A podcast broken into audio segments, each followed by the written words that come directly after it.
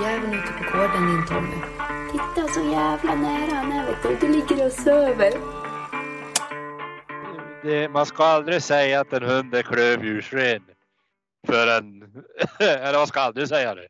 För då jävlar med mig jagar de rådjur. Ja. Eller gris. eller kanske någon hare. ja. Hur känner du Erik Ja, eller någon älg. Ja, eller någon älg. Det finns mycket med klövar som går att jaga. Ja, men ble de noe bättre dina hundar når du kom hjem, eller var de, hadde de kommet inn i noe stim så å si?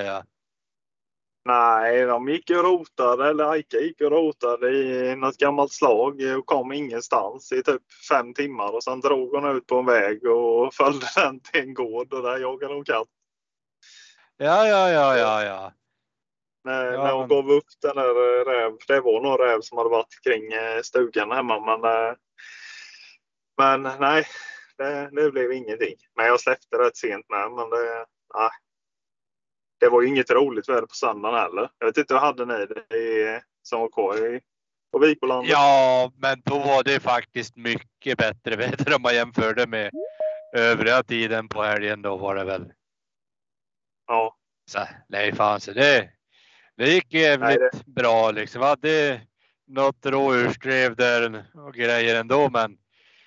Ja, så här, nu när eh, de släppte det på den där strutsfarmen där då blev det ju. Ja, de släppte ju tre hundar i samma område. De drog åt varsitt håll typ.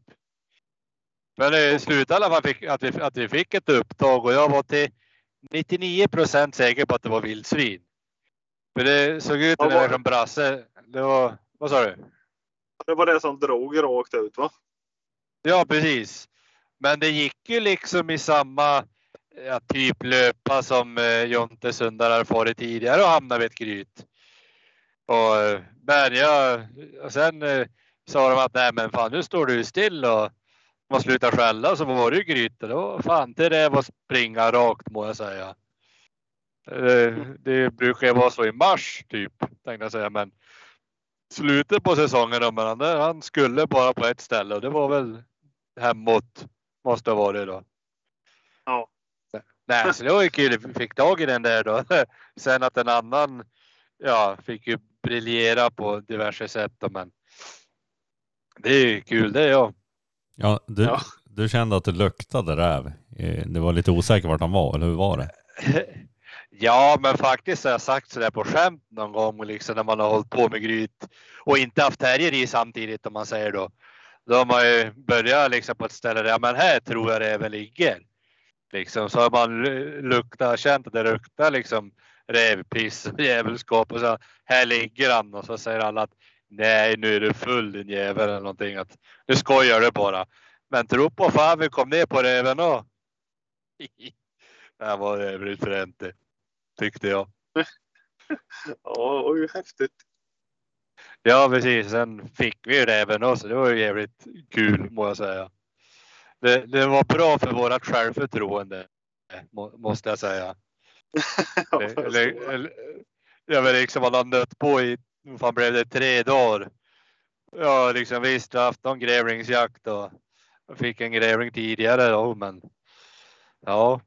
Men man brukar ändå se att det är skillnad på jaktlust och jaktlust måste vi säga i alla fall. Alltså hos folk. Hundarna är ju lika tokiga allihopa men. Det var ju där på, var det på, ja, den, när ni drog hem där.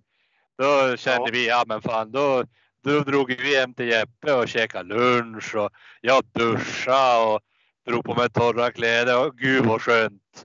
Och inte vilja gå ut för man såg liksom regndropparna gick på sidan. Sidled liksom utenfor fönstret där. Men då gick både Bula och Jonathan där, de gick ju fan och vittjade gryt om. Dum fan men. Ja, Jonathan hade ju köpt någon ny jacka där för många pengar så han var ju tvungen att produkttesta. Han var väl nöjd. Det höll han ju torr. Så då hade de hittat en grävling då som sprang runt som fan i grytor där. Så då får vi dit och tog med min terrier och skickade in någon och sen, ja det sprang vi runt det där och drev runt i grytan. Men sen var det typ stilla på ett ställe så då tog vi min när de kom ut, satt fast honom och så började vi gräva då stack ju grävlingen. Alltså ut i grytan så sköt en kille där. Så det var ju kul. Var det behövde inte ens gräva igenom. Han kom ut självmant. Ja, jo. Ja, det är andra grävlingen för fan. På den dagen var det väl. Som, som valde att springa. Det är väl inte så vanligt vill jag tycka. Då. Och det var inte ens samma grävling heller. Utan att han, ja. Valde själv att ge sig iväg. Petrus har ju fått kolla, kolla på massa vilt när de smiter från gryten. Hur, hur har det känts Petrus? Ja, det har väl känts i jävligt bra att det är inte jag som har hållit i bössan. ja, jo. kan man ju säga. Det är liksom hundarna har skött så jag har inte behövt skjuta bo. Eller Ja, nej, men- kanske man ska säga. Jag har ju varit, jeg jag glömde, jag speedade igenom den här sessionen med den här räven lite fort men jag fick ju räven ut på en meter framför fötterna jag, i första grytet. Men jag ville att han skulle springa ifrån mig så jag kunde skjuta dem men han sprang ju framför både hundar och folk. Sen kastade han ut men då kunde inte jag skjuta någonting. Så jag har också släppt vilt. Har jag gjort kan man säga. Jag vet hur det känns. Och då hade jag ändå bössan i näven. Så, så den här Furudalstixen man har pratat så stort om, den sitter fan för hårt på mig själv. Jag som har tagit fram den. Fick jag skjuta på söndagen, jag och Tommy och så det. Jag fick nöja mig då. Hur många hundra kostade den räven då? Var det tungsten deluxe nu eller? Nej, ingen tungsten. Nej, det var inte så dyrt var- alltså. Nej, nej, jag provade de här 1289 när jag köpte där nere i Norrköping på JK.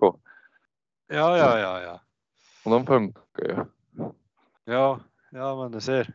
Fy fan vad stort. Och, Ja. och jag lär nu lär också erkänna att jag har ju kommit på att jag ska inte ha någon halvautomat så nu har jag också varit och skrivit upp mig på en J10 Fox då.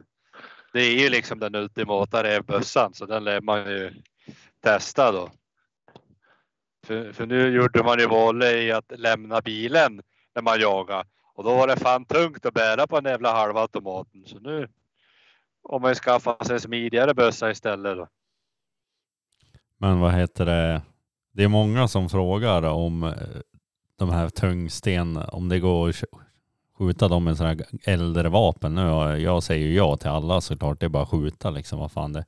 Eh, Ja, Ja men det är drillingar Ja, det- och allt möjligt de vill skjuta i. Men eh, eh, man kan ju skaffa också en J10 Fox. Eh, kanske det, den fungerar väl att skjuta de här i alla fall.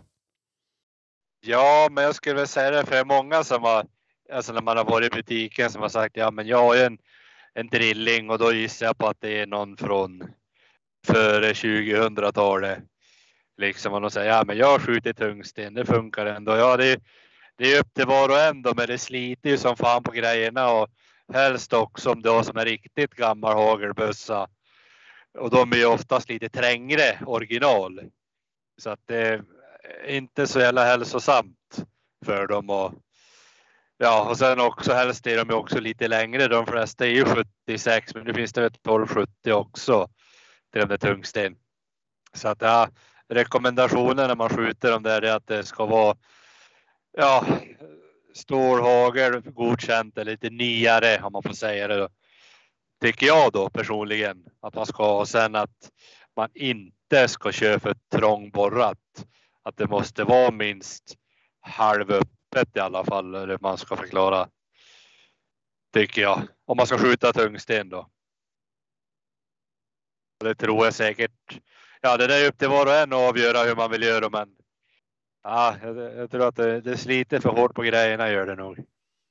Det finns ju ändå lite olika tungstensammunition som ni har trollat fram. eh, Amox verkar ju skitsvårt att få tag i men eh, det finns ju Ja, många alternativ i alla fall. Ja, jo, är ju det. Alltså, nu var väl en eh, bekant där ute och pro produkttesta de här eh, Clev Clever heter de tror jag. Femmer tungsten. Och det, han skyller på ammunitionen, men jag tror det ligger lite bakom skytten av dem. Men han körde med någon sån här specialspridarsjok till sin halvautomat. Och då har han skjutit på 15 meter och det har spridit som en laggårdsväg. Men han skulle dra en testsmäll och se liksom hur, hur det egentligen var. Om det är han själv som är värdelös att skjuta eller om, eller om just den här choken gjorde att det spred kanske lite väl mycket då på den här tungstensammunitionen. För, för den räven han springer än gör han tror jag. Jag tror han aldrig fick han till slut. Jag vet han fick han idag då. Han var och på ett, samma ställe igen då.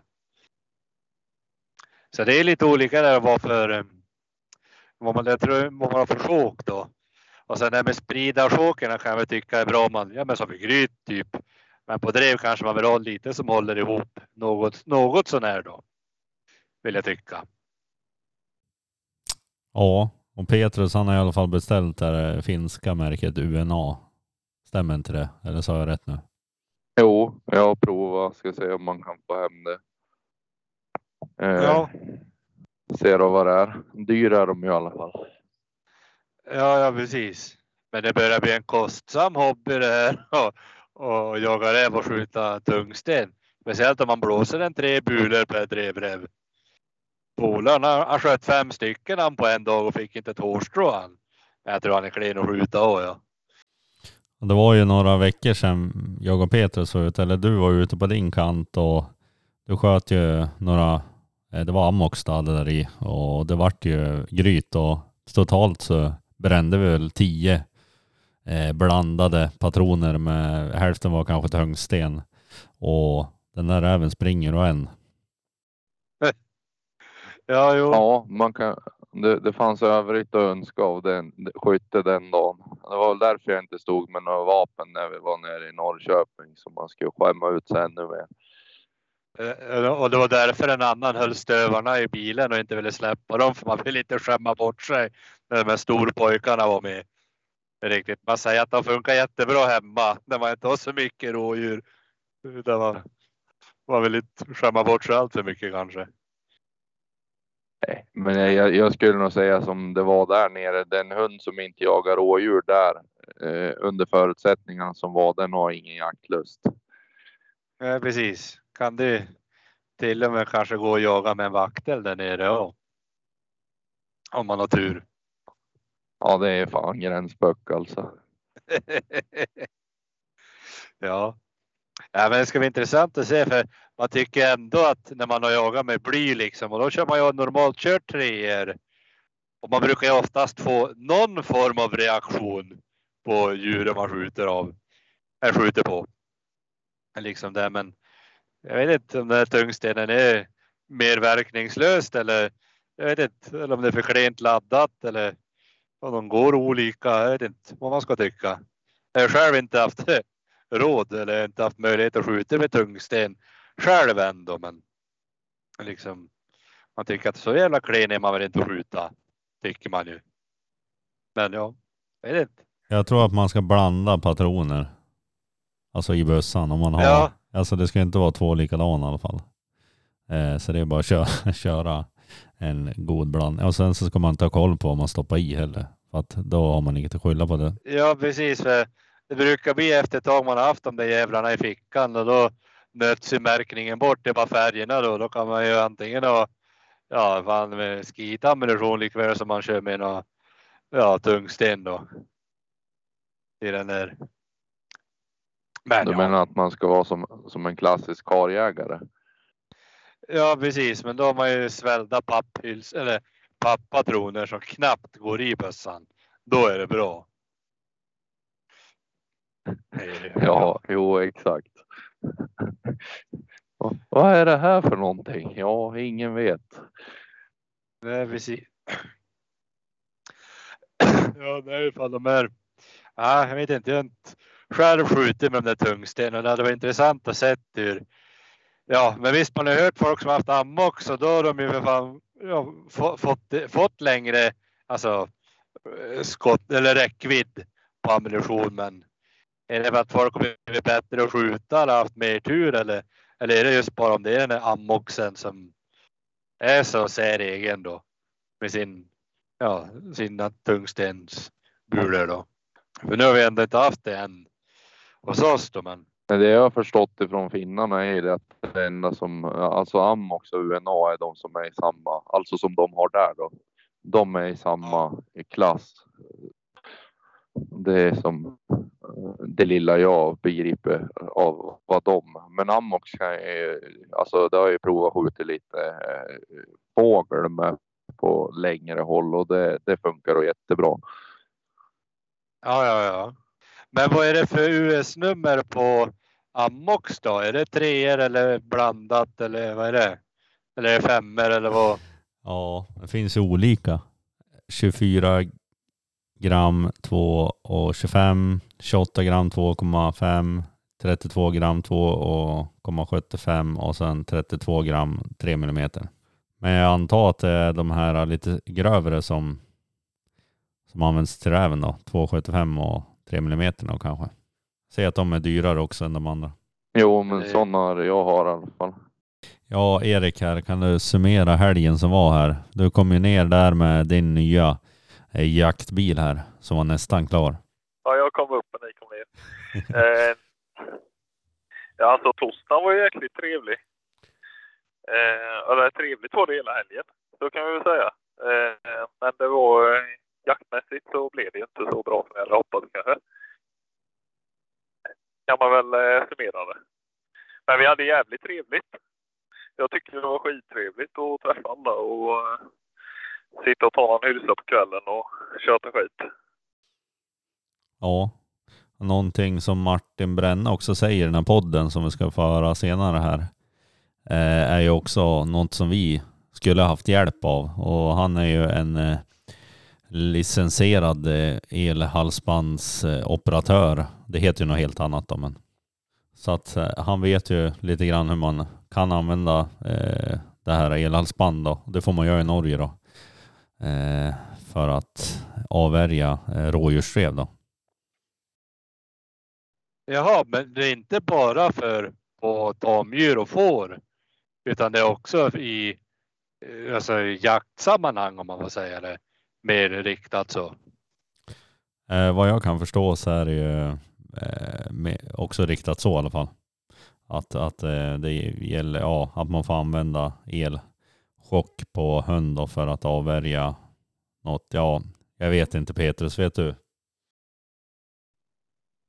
Ja, men det är väl för, för Ja, jo, men alltså det, det har ju kom, tillkommit, sa han ju på grund, eller i, i hjälp, eller eh, i samarbete med, vad heter det, tamdjursägarna eller förbund eller någonting som jag fattade det hela för att sen så eh, får du ju, alltså kan du använda det på, eh, för rådjursgrejer också.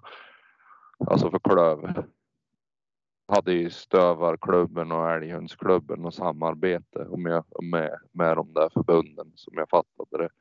Ni får lyssna på avsnittet med Martin Brenne som kommer eh, framöver här. Ja, det ska bli väldigt intressant att få lyssna på. Jag tror där har vi, vi svenskar någonting tycker jag vi kan få lära oss om. Och jag vet som i Sverige får vi inte använda elektroniska ja, alltså hjälpmedel så då. Gentemot vad man får göra i Norge då, men jag tycker att det skulle nog rädda livet på väldigt mycket hundar. Alltså gentemot om man använder det rätt. Men är som sagt, det skulle bli intressant att höra vad han säger och säkert man kan diskutera det där med dem när vi är där nere då. Så man får lite mer kött på benen och folk också får höra hur de får göra då och vad de har för argument för och emot kring det där. Men eh, vad jag tänkte på, eh, sålde du några bössor där på eh, den här eh, torsdagen? Där? Ja, men fan, jag var het som fasen var jag ju. Det var, det var en stackare som stod och valde mellan två bössor. Han höll på att vela, han skulle hem och fundera. Då drar jag fram mitt försäljarknep. Jag tog bara en bössa sa jag, ska du ha den här? Då skriver jag innan direkt i, gjorde jag en licensansökan direkt. Jag, jag började, bara börja skriva upp nummer och grejer. Och sen när jag kom till han bara på hans uppgifter, då fick han ju lov att säga dem. Så, så enkelt var det att sälja en bössa. Så jag var med på två och en halv om man säger då. Som jag avslutade affären på. Så lurade jag på någon stackare uppifrån Stöde och eller var fan han bor. Också en bössa. Så det tyckte jag väl var bra. Jo. Nej, än så länge känner jag mig lurad på konfetten. Ne- Nej, nej, nej. Det där var ju hur bra som helst. Ja, men jag har ju, fick ju var- ett, hal- ett, ett armband först. Det, du implanterade det här för länge sedan. Det står ju blaser på mitt äh, armband här. Ja, precis. Och så har du blaserkläder. Ja, och nu har jag snart en Blaser R93 med en sån här äh, fin, fin äh, kolv som jag delade då på Instagram. Vad, he, vad heter de nu Petrus, du som är bättre på namn? Ja, Fine Ballistic Tools är det väl, FBT. Om inte jag kommer ihåg helt fel. Samma Precis. ljuddämparen var väl det också. Exakt. Ja, den, vad fan väger den här eh, kolven? Det var ju typ ingenting. Eh, Den som hör till R93 direkt ur kartong väger han 690 gram. Och jag var, kände på Jontes bössa idag. Han har fått hem nya dämparen och det är- väger ingenting. Jag vet inte vad totalvikten blev på hans rygg där då, men jävligt lätt.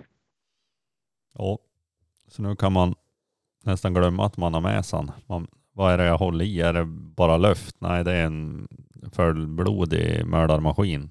Re, redskap. Men det där känns som väldigt lätt och smidig bössa kommer bli. Och sen om man skjuter den bättre med det vet man ju inte. Men det kan man ändå hoppas i alla fall. Och som jag har förstått det så ska ju Blase vara i stort sett målsökande också. Vad jag har förstått det som.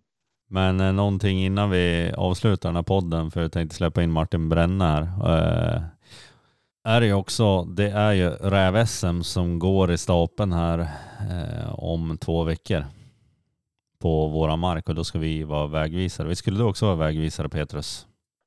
Jo, Men eh, ja, eh, ska vi säga något mer innan vi släpper in eh, avsnittets gäst?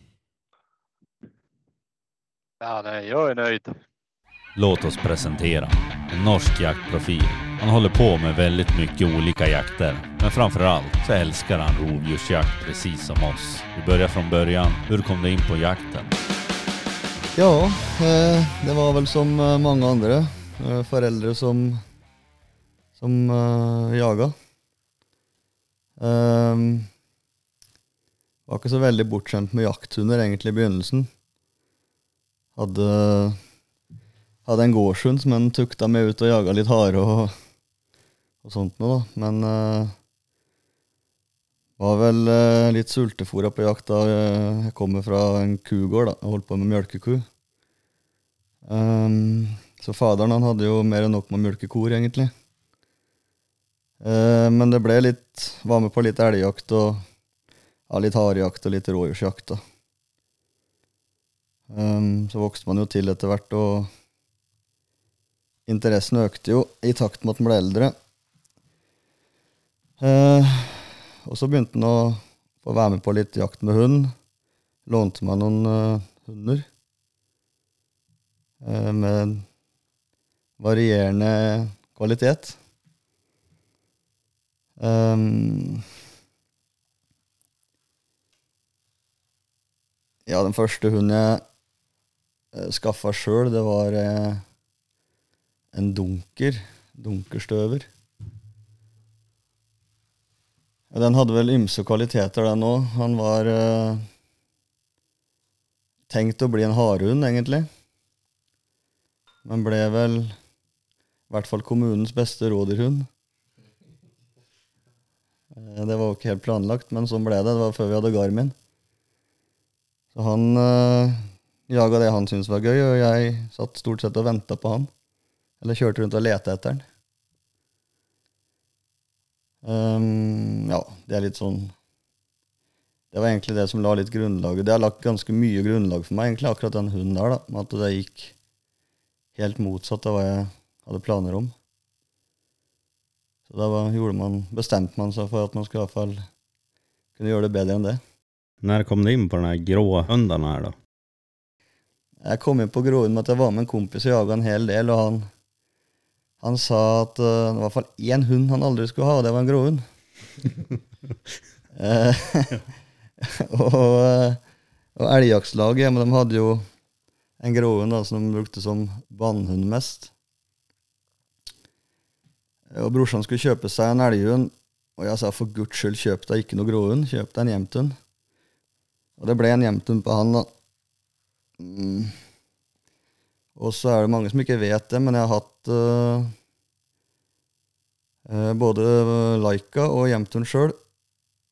Og det har vel funka vel Eller det funka vel ja, periodevis bra, og litt beroende av hva man jaga med dem.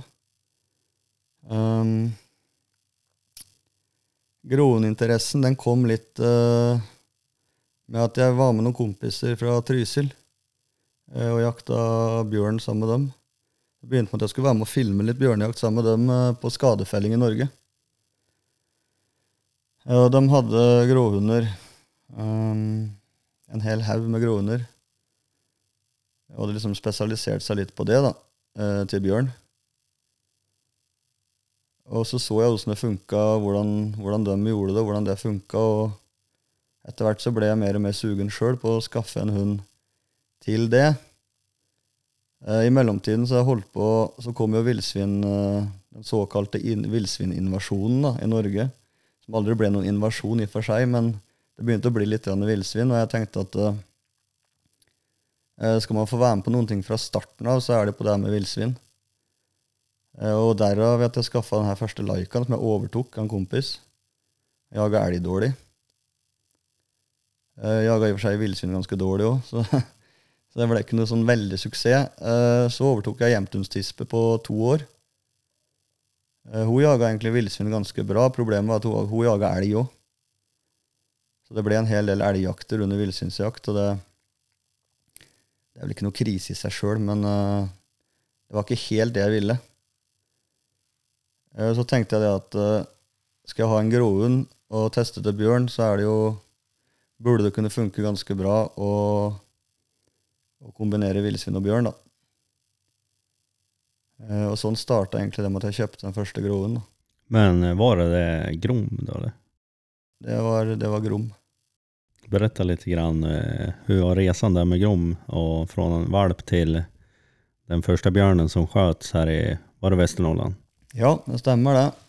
Nei, det var litt sånn at jeg som sagt hadde bestemt meg for at jeg skulle skaffe en gråhund eh, til villsvin og bjørn. Det var litt artig i seg sjøl, for det at eh, Ja, du vet hvor det er, men man skal bestemme seg for å lete på en valp, så begynner du å kikke litt på valpkuller og, og foreldre og sånn, og så eh, Ja, så begynner man å ringe, da, til aktuelle kuller. Eh, og det jeg opplevde ganske fort, det var at man eh, ja, man ringte jo og liksom presenterte seg og var ærlig og sa hva man var ute etter, da. Det var at jeg fikk jo faen ikke kjøpe noen hund. Det var ingen seriøs uh, elghundsoppdretter som ville selge en, eh, en valp til, til villsvin og bjørn. da. Og det kan jeg på en måte litt forstå, for at uh, de ser vel for seg at det ikke blir noen ting. Uh, ja. Så fikk man uh, Ja, så det brent noen kull, da, som det ikke ble noe valp.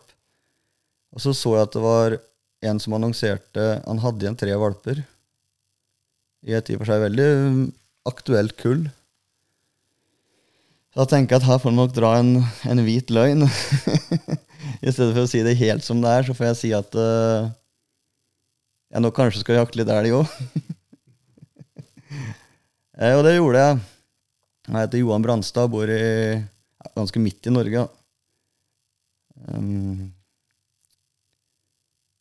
så jeg fikk, uh, jeg fikk en valp derfra. Den var blitt uh, Den var blitt nesten fire måneder gammel. Han hadde igjen tre valper. Og hadde allerede fått et navn. Jeg hadde jo et navn jeg hadde tenkt på, men han hadde allerede fått navn, og det var Grom. Um, jeg henta han ikke sjøl heller. Det var en kompis som var der oppe og jakta elg, så han tok den med for meg. Jeg tenkte et bra alibi. Nei da. Um, det var, litt, det, var, det var sånn det starta, eller hvordan jeg fikk rom, da, på en måte. Så det var at du hittade på litt, grann, da fikk du kjøpe den her? da. Ja, jeg, jeg, som sagt, jeg gjorde fort den erfaringen at uh, å være helt ærlig på hva jeg skulle ha den til, det, det funka ikke. Men det kjennes jo som at det ble bra reklam for den kennelen og och eh, over lag. överlag? Ja, det får andre avgjøre, men eh, jeg har jo hatt mange rolige samtaler med Johan, som han heter, da, oppføderen der etter det her. Eh, han, han ana nok litt ugler i mosen eh, tidlig der, men han var vel villig å gi det et valg. Og så var han jo litt eh, i det dilemmaet at han satt med tre valper som begynte på å bli voksne. så han ville nok eh, gjerne at de skulle komme ut til noen som skulle begynne å bruke dem til jakt òg. Men eh, hvordan begynte eh, de her trevende stegen i, ja, jeg antar at det var villsvin først eh, jaga innan på? Eh, både ja og nei. Um, jeg sto da litt med to tomme hender, som vi sier. Jeg visste ikke helt hvordan jeg skulle legge opp det her løpet. og um, ja, Det første var å få denne valpen i gang. Jeg hadde lært mye av de her Trysil-gutta. Uh, at det var jeg hadde, jeg hadde, skjønt så mye at nøkkelen til suksess for dem, det var sporingsbiten. Um, og det samme gjelder litt for villsvin i våre områder, da. Det er jo ikke, det ikke villsvinstammer hos oss som det er i Skåne. Det er jo en gruppe med villsvin som rører seg over store områder og kanskje må innom en, en uh, åteplass i løpet av natta, og så går de videre og rører seg ganske stort. Så da tenkte jeg at det blir jo på en måte mye det samme som en bjørn. De, de er helt nødt til å ta spor. Uh, men så er det jo sånn at uh, for at en hund skal spore litt lengre strekker, da, så må den ha motivasjon. Så jeg begynte med grevlinger, gjorde jeg. Døde grevlinger, og la mye slepespor med døde grevlinger. Og det syntes han var kjempegøy. Og det, det også, det var jo litt takknemlig. Han var en lettprega hund som syntes det var kjempemoro å stå og skjelle på en død grevling. Som jeg, jeg har noen bilder av en grevling som jeg har midtmontert med noen tau og noe sånt, så han henger, henger, i en gren der og snurrer i vind. Og det syntes han var kjempegøy, å kunne stå og skjelle på den i time, ja, en time eller to, liksom. Så det var jo en ganske takknemlig hund sånn sett, å belønne for den sporingsjobben han hadde gjort. Um, første villsvinskontakten han hadde, det var jo så klart i Hein. Da var han elleve måneder gammel. Da var vi på Mamima med en gjeng med, en gjeng med folk som skulle trene hunder. Jeg hadde egentlig ikke noen kjempeambisjoner. Men så ble det litt ledig tid, og så Ja, da prøva jeg den hunden, da. Og han jaga vel villsvin ganske bra helt fra start. Um, det som ikke funka, som for mange andre, det var innkallinga. Vi måtte jo inn der en hel gjeng inn i det hegnet og fange den hunden. Men da skjønte jeg at han ville i hvert fall jage villsvin, og det er et godt utgangspunkt. Ja, och eh, hur kom intresset sen då här från vildsvinen till, till björn?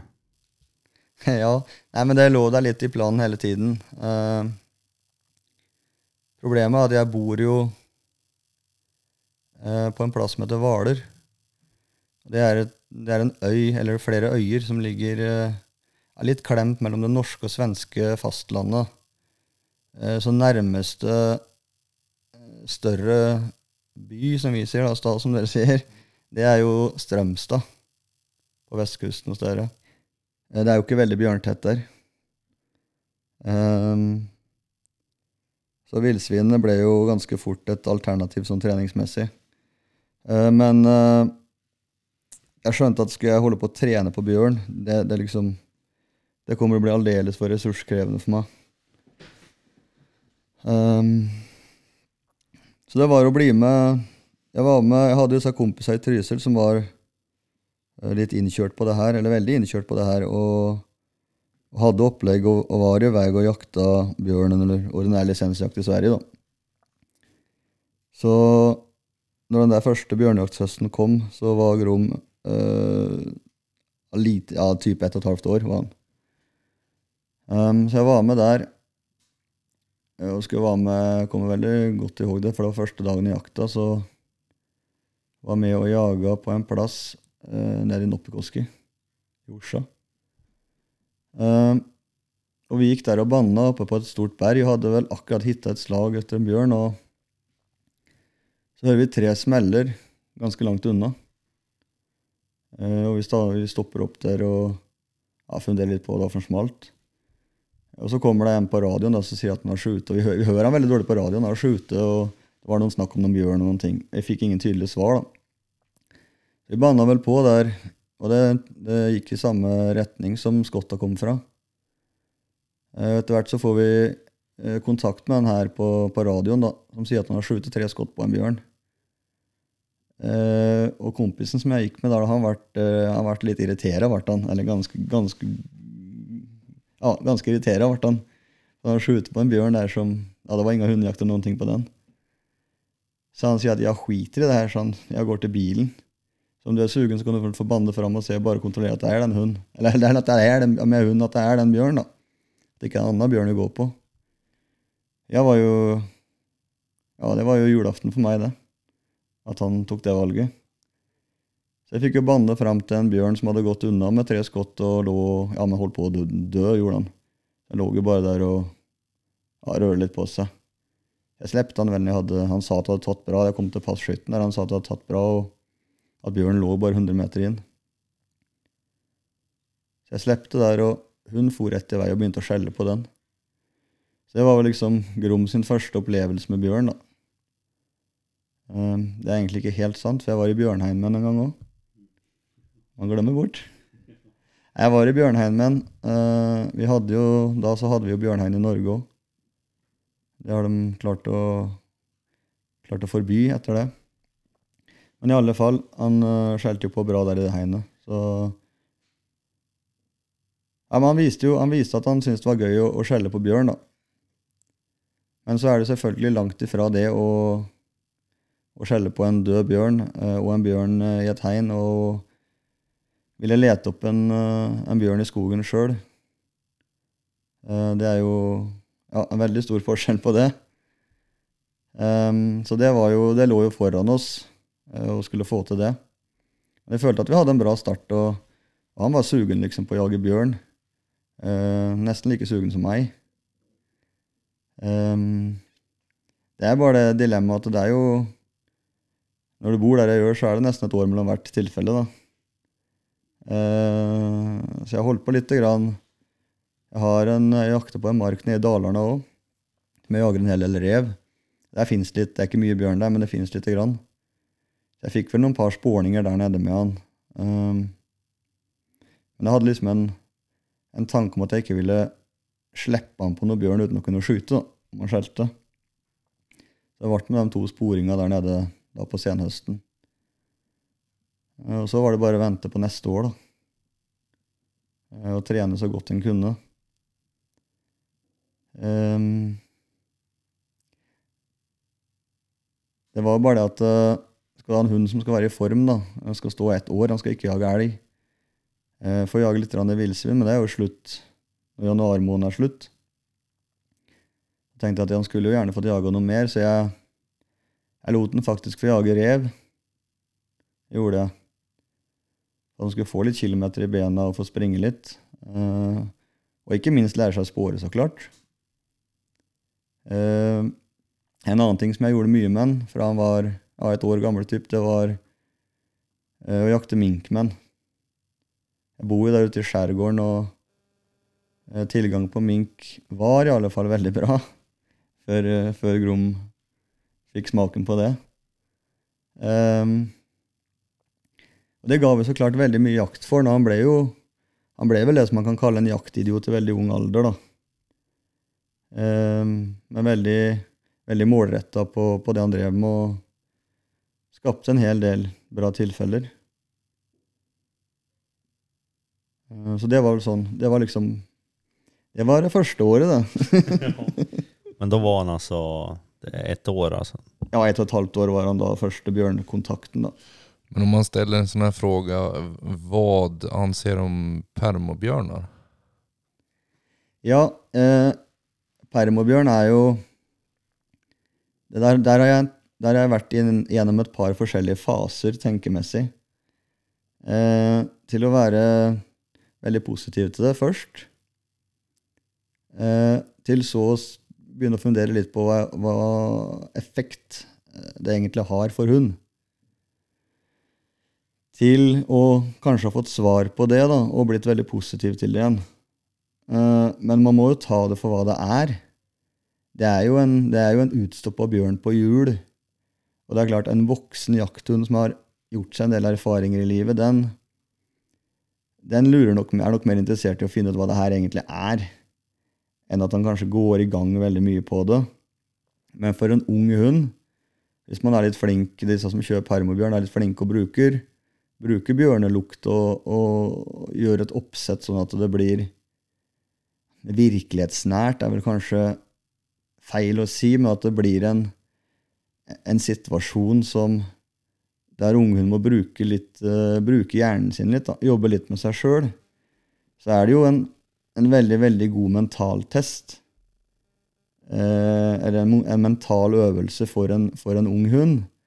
En annen ting som jeg tror det også kan gi, som kan gi positiv effekt med, med permobjørn, det er det at uh, jeg har sett ganske mange hunder som blir veldig, veldig redd ved synet av en bjørn. Bare, bare de ser liksom, konturen av en bjørn, så blir de livredde. Eh, og det vil nok på en måte kunne ikke, ikke, Kanskje ikke ta det bort, men at de vil kunne venne seg til det og, og, og gjøre dem til noe gøy, eller noe som er, de syns er kul å holde på med i stedet for. Da. Det tror jeg er noen, jeg tror Hvis man gjør det riktig, så kan man absolutt ha noe igjen for det. Det tror jeg. Men du får ingen bjørnhund bare av å trene på permobjørn. Det, det, det, tror jeg dermed ikke. Nei, precis. Men det er et moment, på, det er et steg kanskje på veien til en fungerende hund. Og en må ta med seg de stegene en kan påvirke sjøl. Det er i hvert fall så jeg, sånn som jeg resonnerer rundt det. Men det her er noe man gjør liksom det første levnadsåret, kanskje? Kjører den permobjørnen bare eh, for å introdusere den fra formen, eller hva jeg skal si? Eller? Ja, men det tenker jeg også Alderen er kanskje ikke sånn superviktig, om man er ett år eller to år eller tre år, men i, i forhold til hvor de er erfaringsmessig, da. Hva, hun, hva erfaringer den hun har med dette her. Eller generelt på jakt. Ja, men nå har du fått det første levnadsåret her.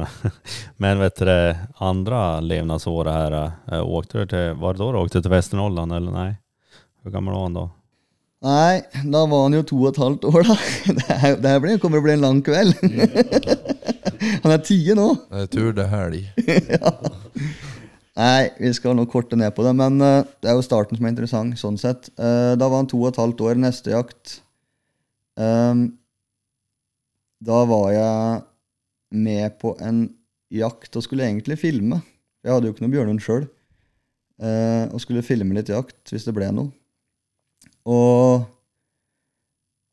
det ble det vel egentlig ikke. Eh, vi holdt på der eh, en gjeng som var, var på en plass der med hunder og holdt på å lete bjørn. Og jeg husker det godt, De, de prata på radioen om de hadde funnet en, eh, de hadde funnet en skit der i et berg og holdt på å banne rundt det. Og hadde sluppet noen hunder, men det ble elg. De hadde vel sluppet tre hunder, og det ble bare elg. Så jeg trena ganske mye spor med Grom. da, Han spora ganske bra, så jeg sa det at jeg kan jeg kan ikke tilføre så mye annet enn at jeg kan ta, jeg kan ta med meg hund og så kan jeg slå en ring rundt der området dere holdt på i, se om vi finner noe ut- eller innspor. Om vi finner noe som helst. Eh, og det gjorde vi. Jeg hadde, gått, hadde ikke gått så veldig langt, for jeg nøp i et spor der oppe på en myrkant. og Det var ganske sånn tørr eh, furuås. Det var veldig vanskelig å se noe spor, men vi havna inn i en plantering. Eh, og vi havna fram til denne skiten som de hadde funnet, gjorde vi. Eh, og jeg begynte å slå noen ringer rundt dette her, men det, jeg havna bare tilbake til denne skiten hele tiden. Og eh, så sa jeg bare at Jeg husker jeg sa veldig godt at uh, jeg, jeg, jeg, jeg, bare slipper den her. Så får det bli, da får dere koble den opp på veien. Han kommer sikkert med elg, han òg. Uh, jeg slapp den, og han for i vei 500 meter og skjelte. Uh, det ble, det ble, eller, ja, det var fullt rev, ble det. Han skjelte jo på ganske bra på drev. Han jaga rev, så han, han drev for fullt. Og jeg var sikker på at det var rev, for det låt helt likt som når han drev rev. Baserer meg på 40 meter inn i en tett plantering. Um, og Så gjorde det vende i berget der, og så dro det i vei, og så ble det stopp. Da sto han helt tyst. Så jeg gikk og kikka på sporet, og jeg fant bjørnspor der, men jeg, jeg tenkte liksom at nei, det, det, er ingen bjørn, eller han, han må heller jage inn en rev der nede. Så jeg gikk dit, og Altså, jeg litt forberedt, så jeg, jeg smøg inn de siste 50 metera der. og uh, Jeg fikk se hunden. Han sto bare helt stille og bare kikka framfor seg. Uh, jeg satt der og venta litt, og ja, men rett som det var, så fikk jeg se det komme. da kom det et bjørnehue fram i en liten åpning der og sto og kikka på hunden. De sto og kikka på hverandre, og så, så hendte det liksom ikke så mye mer, så jeg smatta på den en gang. Da, var, da ble hun varm av at jeg var der. Så da gjorde han noen vrikk på rumpa, og så ble han på å skjelle, og ja, siden det så har han skjelt bjørn, egentlig. Eh, hvordan det gikk? Ja, jeg støkte den bjørnen, da, for jeg skulle så klart litt nærmere å se, i stedet for å skyte. eh, så gjør det vende og, stå, og vende på en, på en post, og så kommer det rett på meg. Eh, og da skyter jeg bom på den bjørnen på seks-sju meter. Han kommer springende rett forbi meg der og skyter bom. Jeg husker det, det var, det, var, det var nok en av mine livs verste øyeblikk. For at, eh, jeg tenkte at det, jeg kommer jo aldri å få den der sjansen igjen. Um, heldigvis gikk det bra likevel. Jag kan tänka mig, du sov inte så bra den, det halvåret kanske. Jeg hadde en, jeg hadde en ganske ny Blazer R8 da. En av de første tingene jeg gjorde når jeg kom hjem, det var å ringe og bestille meg en Blazer R93. jeg skulle aldri jakte med den børsa igjen. Og den R93 den har jeg ennå. Ja. Den er gul og svart. Ja, den er gul og svart. det er nok ikke det som gjør det, men den, Nei. den har iallfall funka bra. da. Det hadde nok den R8 gjort òg. Nej men sen åkte du til Västernorrland her og neste år va? Ja, året etter så, så ble det en invitasjon til Vest-Norrland. De skal ha en eh, de skal ha en bjørnejakt der. da. Det hadde aldri vært noe organisert bjørnejakt egentlig der før. Og det ble liksom litt ja, Det ble ikke bare liksom, det ble veldig, veldig mye gåing. Eh, og ingen bjørnkontakt. Hadde veldig lite tegn etter bjørn òg. jeg hadde funnet én skit i et berg. Det var vel det tynne håpet vi hadde. At eh, det har i hvert fall vært en bjørn her. Eh, Så ble den jakta på en måte avblåst. Vi hadde jakta i, hadde jakta i en uke eller noe, og, og vi fant ingenting. Um, men det kjentes surt da, å bare skulle gi helt opp. Det var vel en uh, søndag Jeg jakta til og med lørdag når jeg skulle kjøre hjem på søndag, egentlig. Uh, men på, på lørdagskvelden så sa jeg at faen, jeg, jeg klarer ikke å slippe der. Jeg må en gang til opp i det berget og gjøre igjen. Jeg må gjøre ett forsøk til. Det burde kunne være så at vi har flaks og kunne finne et bjørnspor der oppe. Uh, og det gjorde jeg. Og gikk der oppe og banna. Hadde banna kanskje en time på morgenen, så så nøp Grom i et spor der. Men uh, spora en bra bit, eller en, ja, en liten bit der, og så fant jeg en helt fersk mårskit på eh, på en stubbe. Jeg ble jævlig skeptisk på hva han holdt på med, men jeg spora litt til og kom inn i en contorta og plantering der. Der fant jeg et bjørnespor, men jeg klarte ikke å si hvor gammelt det var. Men hun var helt gæren, så jeg tenkte ja, enten så blir det jo en fin eh, mårjakt, eller så, eller så er det noe annet. Eller så er det en elg. Han var jo sugen på elg, så klart. Eh, Jeg slepte han, og han for i vei ja, Det var kanskje 300-400 meter, og så var det skjelling. Da sto han og skjelte. Eh, og jeg visste jo hvordan elger her i Vest-Norrland oppfører seg, så jeg regna med at eh, ja, enten så er det en elg med alle bena brøtne, eller eller så er det noe annet. Eh, jeg gikk dit, da, og det, det var jo en bjørn han sto og skjelte på.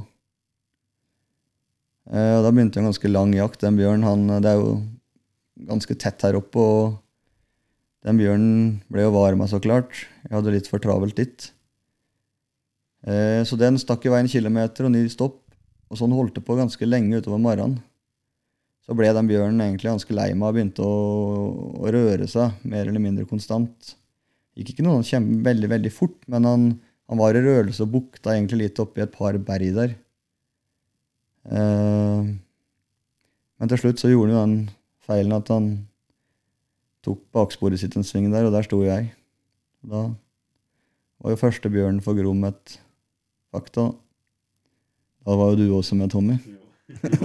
Det var jo, jeg kommer ihåg det mye vel, for det var jo på vei til meg der et tag og da, men den vände väl, och jag kommer inte ihåg hur långt tid, men alltså det var ju spännande i alla fall för mig också. För att det var ju som en eh, litet vattenstråk eller en bäck som gick där och det känns ju som att de kan ta just sådana stråk. Ja, Så att, ja det var spännande men jag hörde skottet. han ville ju aldrig ut på någon väg den där björnen. Han korsade ju ingen väg. nej precis. Eh, Ja men det var en lyckosam jakt och eh, vad var känslan när det sköt där? Men den känslan den var vel ganske ube... eller altså, den, det var jo Jeg hadde jo lagt ganske mye tid på det her og hatt veldig mye funderinger rundt og eh, Og så da lykkes, det var jo selvfølgelig Ja, det var jo det var jo noe av det største som kunne skje da, på en måte. Eh, sen så tenker man jo veldig fort det at eh, var det skikkelighet, som dere sier, eller var det flaks? Men det var jo nære 93 du använde det, eller? da var det nære 93. vet du. Nei, men det var, det var en spennende jakt Og det, jeg vet at det, jeg kommer ihåg at du sa, eller ville skjuta også på et langt forfølgende. Altså, det behøvde ikke være ståndskalle, du, du nesten mer at det ble liksom en lang jakt og et forfølgende, så at man liksom belönar så också. Ja, eh, for det er jo sånn det, det hjelper liksom ikke å bare skjelle på en bjørn som står stille. Eh, det må på en måte kunne Ja, men litt som en elg, da, så kunne stille om han, eh, sjøl om det stikker i vei en bit. Eh, og det er jo en krevende Det er en krevende øvelse for en hund å, å skjelle på, eller å jobbe med bjørn generelt. Så det er jo hva skal man si, det er jo et, er et must at de klarer å holde på lenge med en bjørn. da. Det er jo veldig fort så blir det litt lange jakter, og da må en hund som, som orker å jobbe lenge. Og det er klart å belønne hunder etter en lang jobb, det, det da er de sugne på å prøve det på nytt. Men efter det her, da ruller det bare på og han jager i stort sett bare rovdjur altså etter det der, nesten? eller? Ja, hadde det vært så vel, så Han var jo etter bra elghundslinjer, og han hadde jo et uh, veldig, veldig bra elginteresse. Um, lenge, kan jeg si. Um, og det er nesten så jeg vil si at elginteresse finnes nok nesten i en ennå, men uh, han velger jo bort det uh, mot annet vilt. Og så er det jo sånn at den hunden til den bruken som jeg har, han han eh, blir jo veldig sjelden sluppet på frisøk. Det er jo veldig sjelden at man har et frisøkopplegg på bjørn. Um, så det, det tar, ofte så starter det med at man har et spor, eller har leta opp et spor. Um, Villsvinjakta derimot kan jo, kan jo begynne med at man godt tar utgangspunkt i frisøk. Og det skjedde jo en hel del ganger at han jaga elg for meg under villsvinjakt. Men han har vært ganske relativ Jeg vet at det florerer noen videoer hvor det kanskje ikke ser sånn ut, men han har vært relativt grei å få tak på, da. Eh, Så han forsto vel ganske fort at elg, det Ja, det lønner seg ikke. Eh, Og et tak så var, det, var han såpass uh, lite interessert av elg at han uh, at han hørte at jeg kom med bilen for å koble han, så, så bare brøt han. Uh, Da er det sikkert mange som tenker at jeg hadde strømma noe sånt fram til det. Eh, Men det hadde jeg ikke gjort. Eh, Han bare lærte seg at det, det lønte seg ikke å holde på med. Jeg kunne bli forbanna på han, så klart. Han var jo vant, Vi jaga jo veldig veldig mye i hop, han og jeg. Eh, Alle disse minkjaktene vi hadde. Han, han visste jo veldig godt forskjell på når jeg var fornøyd med han, og når jeg var forbanna på han. så Men elginteresse var der, og det var et problem ganske lenge, egentlig, det med elg. Men det stiller jo jeg, jeg så på det som at det stiller litt krav til meg, at jeg får jeg får legge opp løpet sånn at det er minst sjanse for at det blir problem med elg. da. Man får være litt nøye sjøl og velge tilfellene deretter. Men i dag så er han nok eh, ja, Si at en hund er elgren, det skal sitte veldig langt inne, men han er det, er det er ikke noe problem i hele tatt med han med elg. Og han har aldri bank i bordet. Han har aldri bytta fra en bjørn til en elg. Det har han aldri gjort. Björnchampionatet här. Du har ju gått några björnprov. Som är, men det var ingen björnchampionat för att det fick man ju inte ha- tydligen. Nei, eh, jeg gikk et bjørnprov eh, Da var han fire eller fem år, nu husker jeg ikke helt heller. Eh, som gikk bra. Og så ble jeg litt biten att ja, men det var lite, det var litt kul å gjøre noe som ikke alle andre holdt på med. Så jeg gikk noen prov med han, og eh, det gikk jo bra.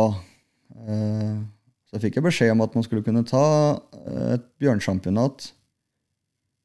Eh, ja, det lukka jo litt. Når man først, jeg mener det først har gått bra, så kan man like gjerne gjøre det òg. men så var det noe strul med, eh, med denne her championatordningen. Det var ikke helt på stell, eh, så han fikk ikke det championatet. Men så har Plottunklubben, da, som er eh, ansvarlig for bjørneprova, de har eh, tatt tak i det her nå og fått eh, godkjent championatordningen sin. Så nå er det muligheter å, å bli bjørnsjampion. Ja. Men nu når du hadde den här eh, Grom her, og da har liksom var det å att få fram gråhund nummer to til å bli den bjørnhunden? Ja Lettere, det vet jeg ikke. Det er jo sånn at Grom han har jo bydd på en hel del Han har jo skapa en hel del muligheter for, for meg, eh, egentlig. Og det tok jo ikke så lang tid før jeg var frista til å skaffe en til. Eh, men jeg gikk nok litt i den fella som kanskje veldig mange eh, har gjort og gjør, at man at man blir, eh, ser litt enkelt på det. Eh, Det har gått bra til nå, og så tenker man at ja, men neste hund er bare å kjøre på, liksom, og, og slippe på bjørn. Så funker det å kanskje glemme litt forarbeidet der. Jeg vet ikke, jeg har ikke noe fasitsvar. Det er vel kanskje ingen som har noe fasitsvar på det her, men eh, jeg kjøpte et, et, et, et gråhundstispe der, da, her, fra Sverige. Eh, Dolly heter hun. Eh, vi har skutt noen bjørner for henne, og hun funker vel helt ok, vil jeg si. Hun er ikke Hun har ikke den eh, Altså, hun Hun kan spore bjørn spore veldig, veldig bra og skjelle bjørn, men hun har ikke det derre lille ekstra som kanskje altså Som Grom da kanskje for eksempel har. altså hun, hun holder ikke på en hel dag og en hel natt med en bjørn. Det har hun ikke ork til. Eh, men som sagt, vi har skutt flere bjørner for henne. og Hun har vært eh, et veldig bra verktøy i mange situasjoner for oss. da. Hun er derimot nå er nesten, Hun kan jeg nok si at er helt elgren. Men hun har hatt sine, hun har hatt sine runder med elg, hun òg. Før hun ble det. Upplever du noen skillnad på hane og tik? Ja. eh,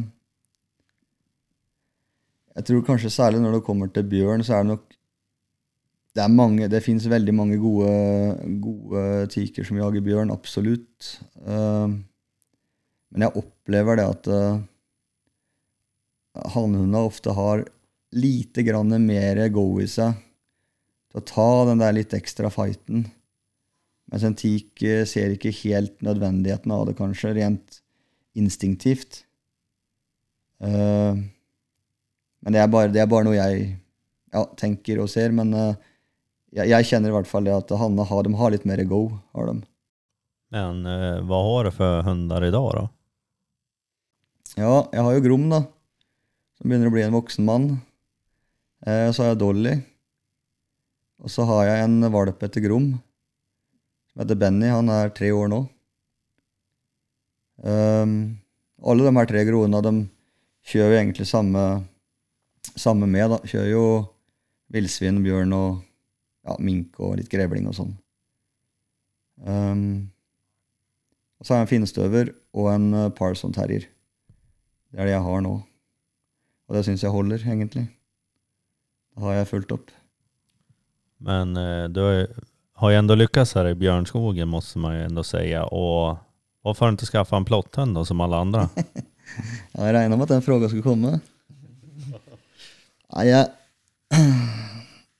Jeg har jo et, eh, jeg har et eh, litt høyt temperament, og, og eh, jeg ser da at jeg, jeg er en dårlig match med en plotthund, altså. Jeg orker rett og slett ikke å høre på dem.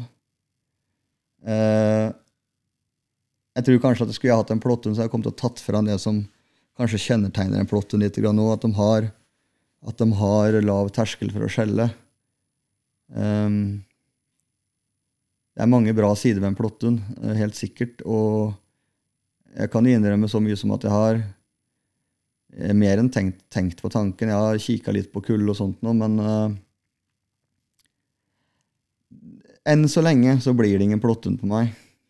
Men hvem vet? Kanskje en dag. Man, den, da, den dagen man ikke hører noe lenger, kanskje. Men vilka svagheter respektive styrkor har en pl- plotthund gentemot en gråhund eller vice versa? Oi. Det er veldig vanskelig å svare på, tror jeg, i forbindelse med bjørn, for det er jo så Det er jo så store forskjeller innad i rasene, eh, fra individ til individ. Jeg mener du ser bare på en ser bare på en ganske stor rase som finstøvere. Eh, du har du har trange hunder som viser, altså hardskjelte hunder, og, og veldig, veldig løse hunder i samme rasen, og en miks av det her igjen. Ehm, og det samme er det jo på, på, på, på spisshunder, da. Ehm, på elghunder. Og Så jeg, jeg, jeg, jeg tror det at uh, det er den hunden, på en måte, som, som gjør forskjellen en, når det kommer til bjørn. Eh, det fins jo gode hunder til bjørn av absolutt alle raser, egentlig. I hvert fall i alle, alle de vanlige jakthundsrasene. Eh, det er jo ikke noen sånn rase som er kanskje bedre eller, eller dårligere til bjørn. Eh, det er at rette hund skal havne hos rett, eh, rett huset. Og få de rette tilfellene og ha litt flyt òg. Um, og at han har en R93. en R93 bør selvfølgelig huset ha. Ja. Bara hem- og och bøssene, da. Når När man har en R8. Ja. Men eh, om man säger så här, en säger man ju generellt, ja det är ju individbaserat, men alltså de tar ju kalla spår liksom. Men eh, ta dina, du har ju tränat mycket spår med dem, ta dem kalla spår. Ja, men det syns jeg. Og jeg, jeg har vært lite grann, I og med at jeg har holdt på mye og banna, da, eh, så har jeg vært eh, I begynnelsen var jeg veldig opptatt av det her med alder på spor. Men etter hvert så så jeg ikke nødvendigvis at det var Det var ikke ute fra bjørnjakt jeg så det. Jeg så det egentlig, det begynte med at jeg begynte å tenke på det, for jeg så det på en uh, finstøveren til en kompis som tok egentlig aldeles for gamle spor. Eh, og det er jo sånn når det er fuktig og kanskje ganske stabilt vær ute, så, så lukter jo et bjørnspor ganske godt. Jeg tror ikke, eller De fleste hunder klarer nok å følge et bjørnspor ganske bra, sjøl om det er ja, både 10, 12 og 15 timer gammelt. Problemet er bare at hvis jeg har en hund som da begynner å spore og tar godt et spor fra ja, to dager gammelt spor, da, som de helt sikkert kan gjøre, eh, og viser liksom iver i det og tar det sporet, så den bjørnen kommer jeg jo aldri å, å finne den dagen. Jeg mener, Den ligger jo et døgn framfor. Eh, og med noen mil altså det, det regnestykket der, det får man jo ikke i hop. Eh, så jeg tror, ikke, jeg tror ikke at det er det jeg tror det er, det er, eller jeg syns det er litt høy fokus på akkurat det med gamle spor. Eh, er, I praksis så er det ikke så veldig nødvendig at hundene tar noe særlig mer enn 10-12 timer gamle spor. Da har den bjørnen stort sett rukket å gå langt nok. Eh, det jeg syns heller å se, det er at eh, å spore, å spore en bjørn er ganske enkelt. Er av, jeg tror kanskje det er en av de enkleste vilta å spore. Eh, hvorfor hunder ikke klarer å følge et bjørnespor, det ligger nok oppi skallen på dem. Hvor gjerne de vil eh, komme til sporslutt, hvis vi kan kalle det det. Jeg tror det er mer det enn eh, at de ikke klarer å følge sporet lenger. For det er, jo, det er jo en stor kropp som har rørt seg på fire store bein gjennom skogen og tramper ned vekster og, og setter mye spor, da. Så det Men jeg tror ikke, jeg tror ikke en gråhund er noe dårligere rusta til å ta et, et eh, gammelt spor enn eh, enn en plotthund. Det tror jeg ikke. Det som er fordelen med plotthund, det er at han jo, hører jo stort sett på dem når de er et spor. Um, mens gråhunda, sånn som Grom, han er jo veldig vanskelig å spore med og veldig vanskelig å lese. For han, han sporer jo et bjørnespor akkurat som han er ute på en pisserunde. Altså han, han går bare, han bare stroser i vei. Uh, sånn gjør han et nikk en gang iblant hvis han er litt usikker eller av sporet. Um, mens Benny, som jeg har nå, er jo en eh, vesentlig enklere hund å lese, og en, egentlig også en bedre hund til å spore bjørn enn det Grom egentlig er. Eh, han behøver bare litt rutine. Det ble kanskje ikke svar på det du spurte om. Men jeg vil ikke inn i den der. Jeg, jeg vegrer å gå inn i den der debatten om, uh, om raser, altså, for det, det jeg syns er litt irrelevant. Men eh, någonting man har märkt, kanske på dina hundar gentemot om du släpper en plotthund, är väl att det blir kanske oftare ståndskall? Ja, det, det, det, det har fort for det. Grom han har jo blitt litt idiot på det her nå, og mindre bjørner står dårligere for nå enn det de gjorde før. Uh, han syns jo det her bare er Han syns jo det er helt topp å finne en bjørn, og vil den springe, så springer han gjerne etter. Uh, mens Dolly og Benny, som litt, har litt mindre erfaring, i hvert fall Benny, er jo bedre å få bjørner til å stå. Han er kanskje litt mer forsiktig. Uh, og de står veldig bra for han, gjør de sjøl mindre bjørner. Um, og det er klart eh, Et rovdyr som ligger og har tatt dagleie noe sted og ligger og, og, sover, og hører at det kommer en hund som vråler og skriker, det er klart Den begynner å strekke litt på bena og gå kanskje ut av dagleia for å ha litt koll på hva som skjer. Og da er den på en måte litt i rørelse. Og så kommer det en hund og, og, og driver for fullt på sporet hans. Da er det nok veldig lett for at det, det går i vei, da. Um, men det er vel mange hunder, det er vel mange plotthunder som stonder bjørn bra òg. I hvert fall etter noen mil. Men eh, du sa også at du skulle følge med og filme de her jaktene, men eh, du begynte alltså med, altså, Hvorfor varför började du filme? liksom? Har det alltid vært et interesse? Ja, det er faktisk helt rett det du sier. Det har alltid vært et interesse å filme. Jeg brukte konfirmasjonspengene mine og kjøpte mitt første kamera. Um, jeg klarte å putte opp i en hink med saltlaken, så det tok jo fort slutt for det kameraet og de konfirmasjonspengene. men, uh, men, jeg har alltid holdt på å filme litt, og, og det er klart, etter hvert som man jakta mer og mer, så ble det litt naturlig å filme litt jakt. da. Det här var allt för del 1. Eh, del 2 kommer nästa vecka. Vi vill även passa på att tacka våra sponsorer. JK Hunting, Hunter GT Naturatelier. Tack som fan så hörs vi i nästa podd.